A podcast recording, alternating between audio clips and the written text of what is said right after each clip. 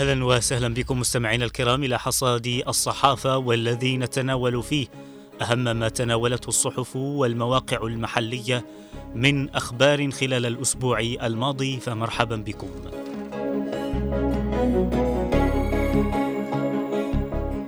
البداية من موقع المجلس الانتقالي ومنه نقرا الرئيس الزبيدي يشارك في قمة قادة مجموعة السبعة والسبعين والصين. بحضور الجعد انتقال سقطرى ينظم حفلا خطابيا وفنيا بمناسبة الذكرى السادسة والخمسين لعيد الاستقلال الوطني. الكثير يؤكد حرص المجلس الانتقالي على تحرير مكيراس من الاحتلال الحوثي.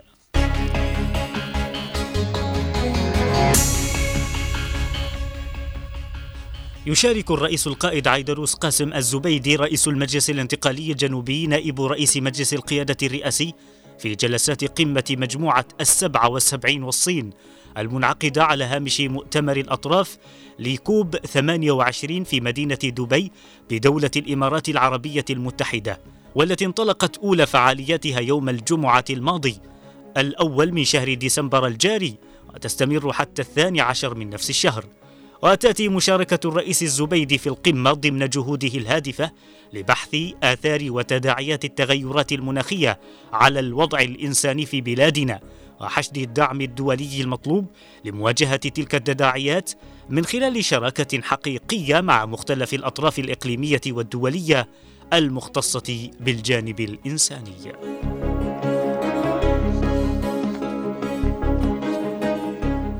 نظمت القيادة المحلية للمجلس الانتقالي الجنوبي بمحافظة سقطرى الأحد الماضي حفلا خطابيا وفنيا بمناسبة الذكرى السادسة والخمسين لعيد الاستقلال الوطني الثلاثين من نوفمبر بحضور الأمين العام فضل الجعدي ومحافظ سقطرى رأفت الثقلي.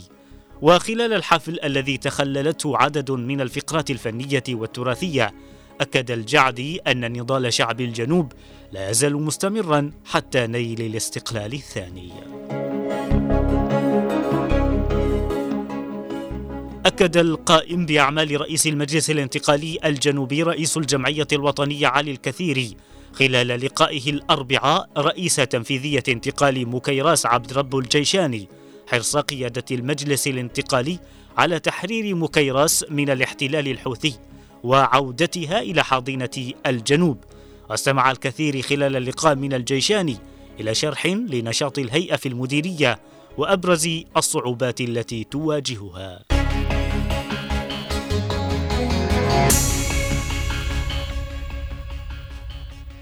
وإلى صحيفة المشهد العربي ومنها نقرأ الذكرى الثانية والخمسين لعيد اتحاد الإمارات دولة تعلم أمة وعالما. مواقف ورسائل المهرة تنتصر لهويتها الجنوبية. نذر مجاعة مروعة سكان يدفعون كلفة الإرهاب الحوثي.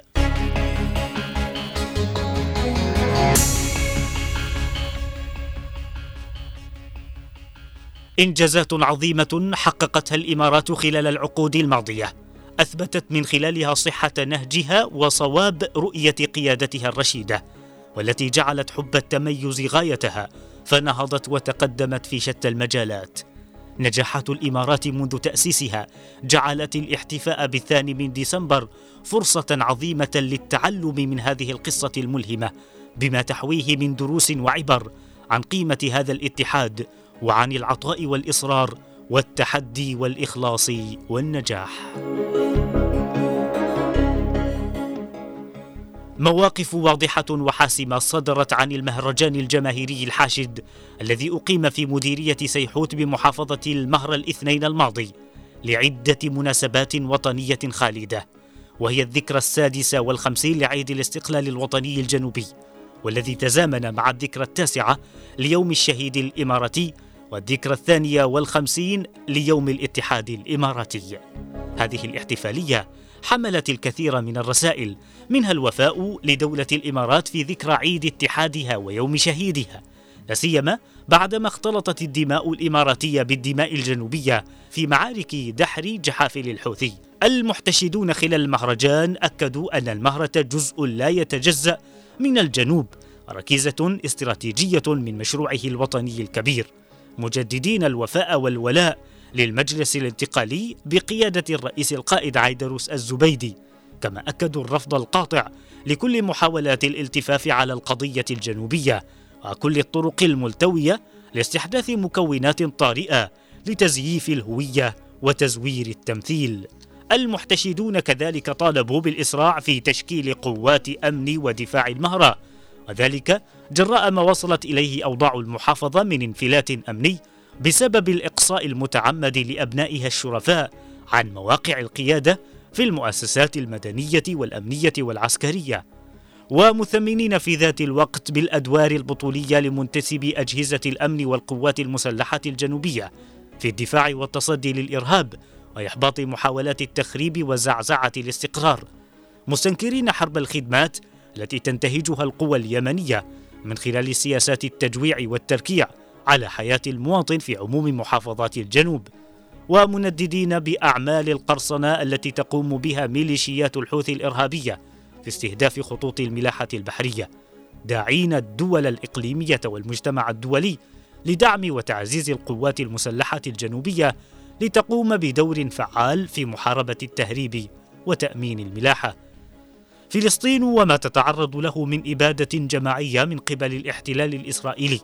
الذي لم يرعوي عن ارتكاب المجازر التي يندى لها جبين الإنسانية كانت حاضرة في الاحتفال إذ ندد المشاركون تلك المجازر البشعة المرتكبة على أطفال ونساء غزة خصوصا وفلسطين عموما مؤكدين تضامنهم ونصرتهم لإخوانهم المظلومين والمضطهدين. كلفة معيشية مؤلمة تنتظر السكان في مناطق سيطرة ميليشيات الحوثي وذلك جراء الممارسات التي ينتهجها الفصيل الإرهابي.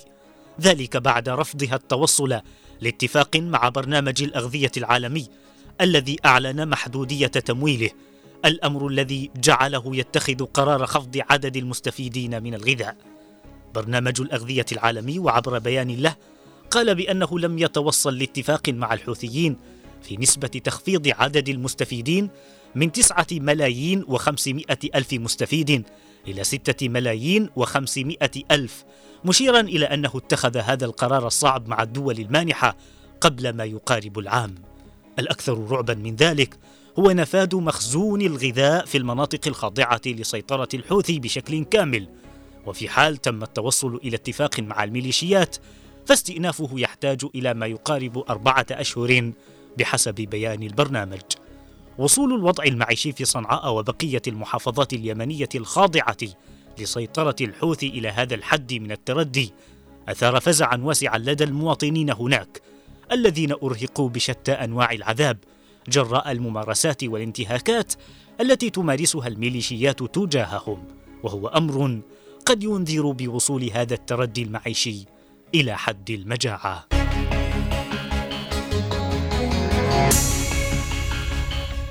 وإلى موقع درع الجنوب مستمعين ومنه نقرأ. في الذكرى الثامنة لاستشهاده اللواء جعفر محمد سعد القائد القوة والشهيد الحي.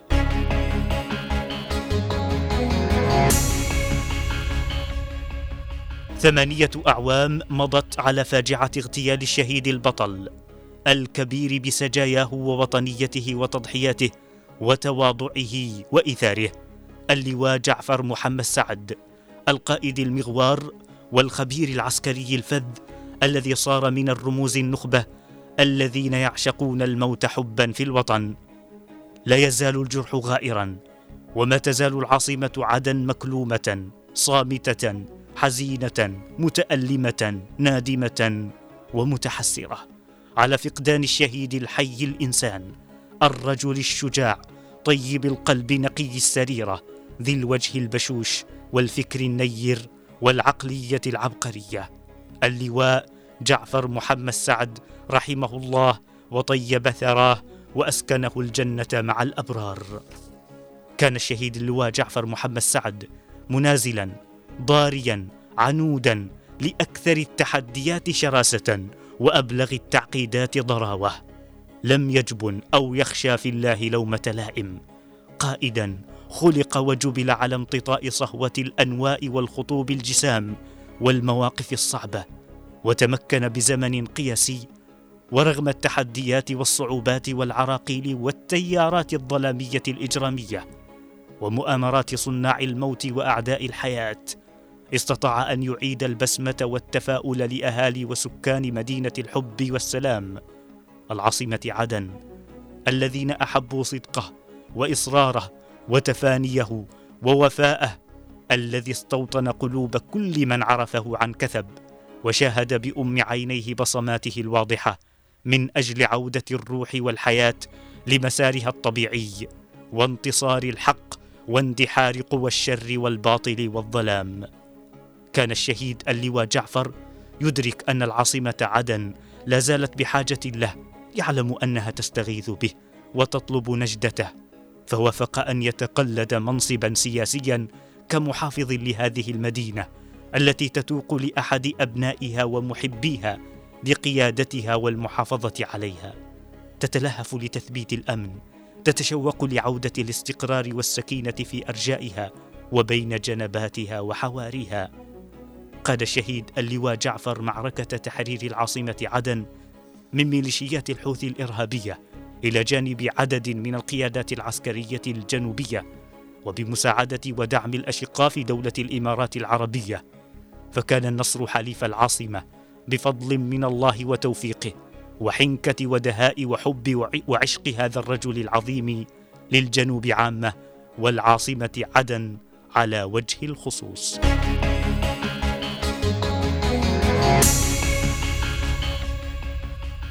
إلى هنا نصل وإياكم مستمعينا الكرام إلى نهاية هذا الحصاد الأخباري. في الختام تقبلوا منا كل المنى وفي أمان الله.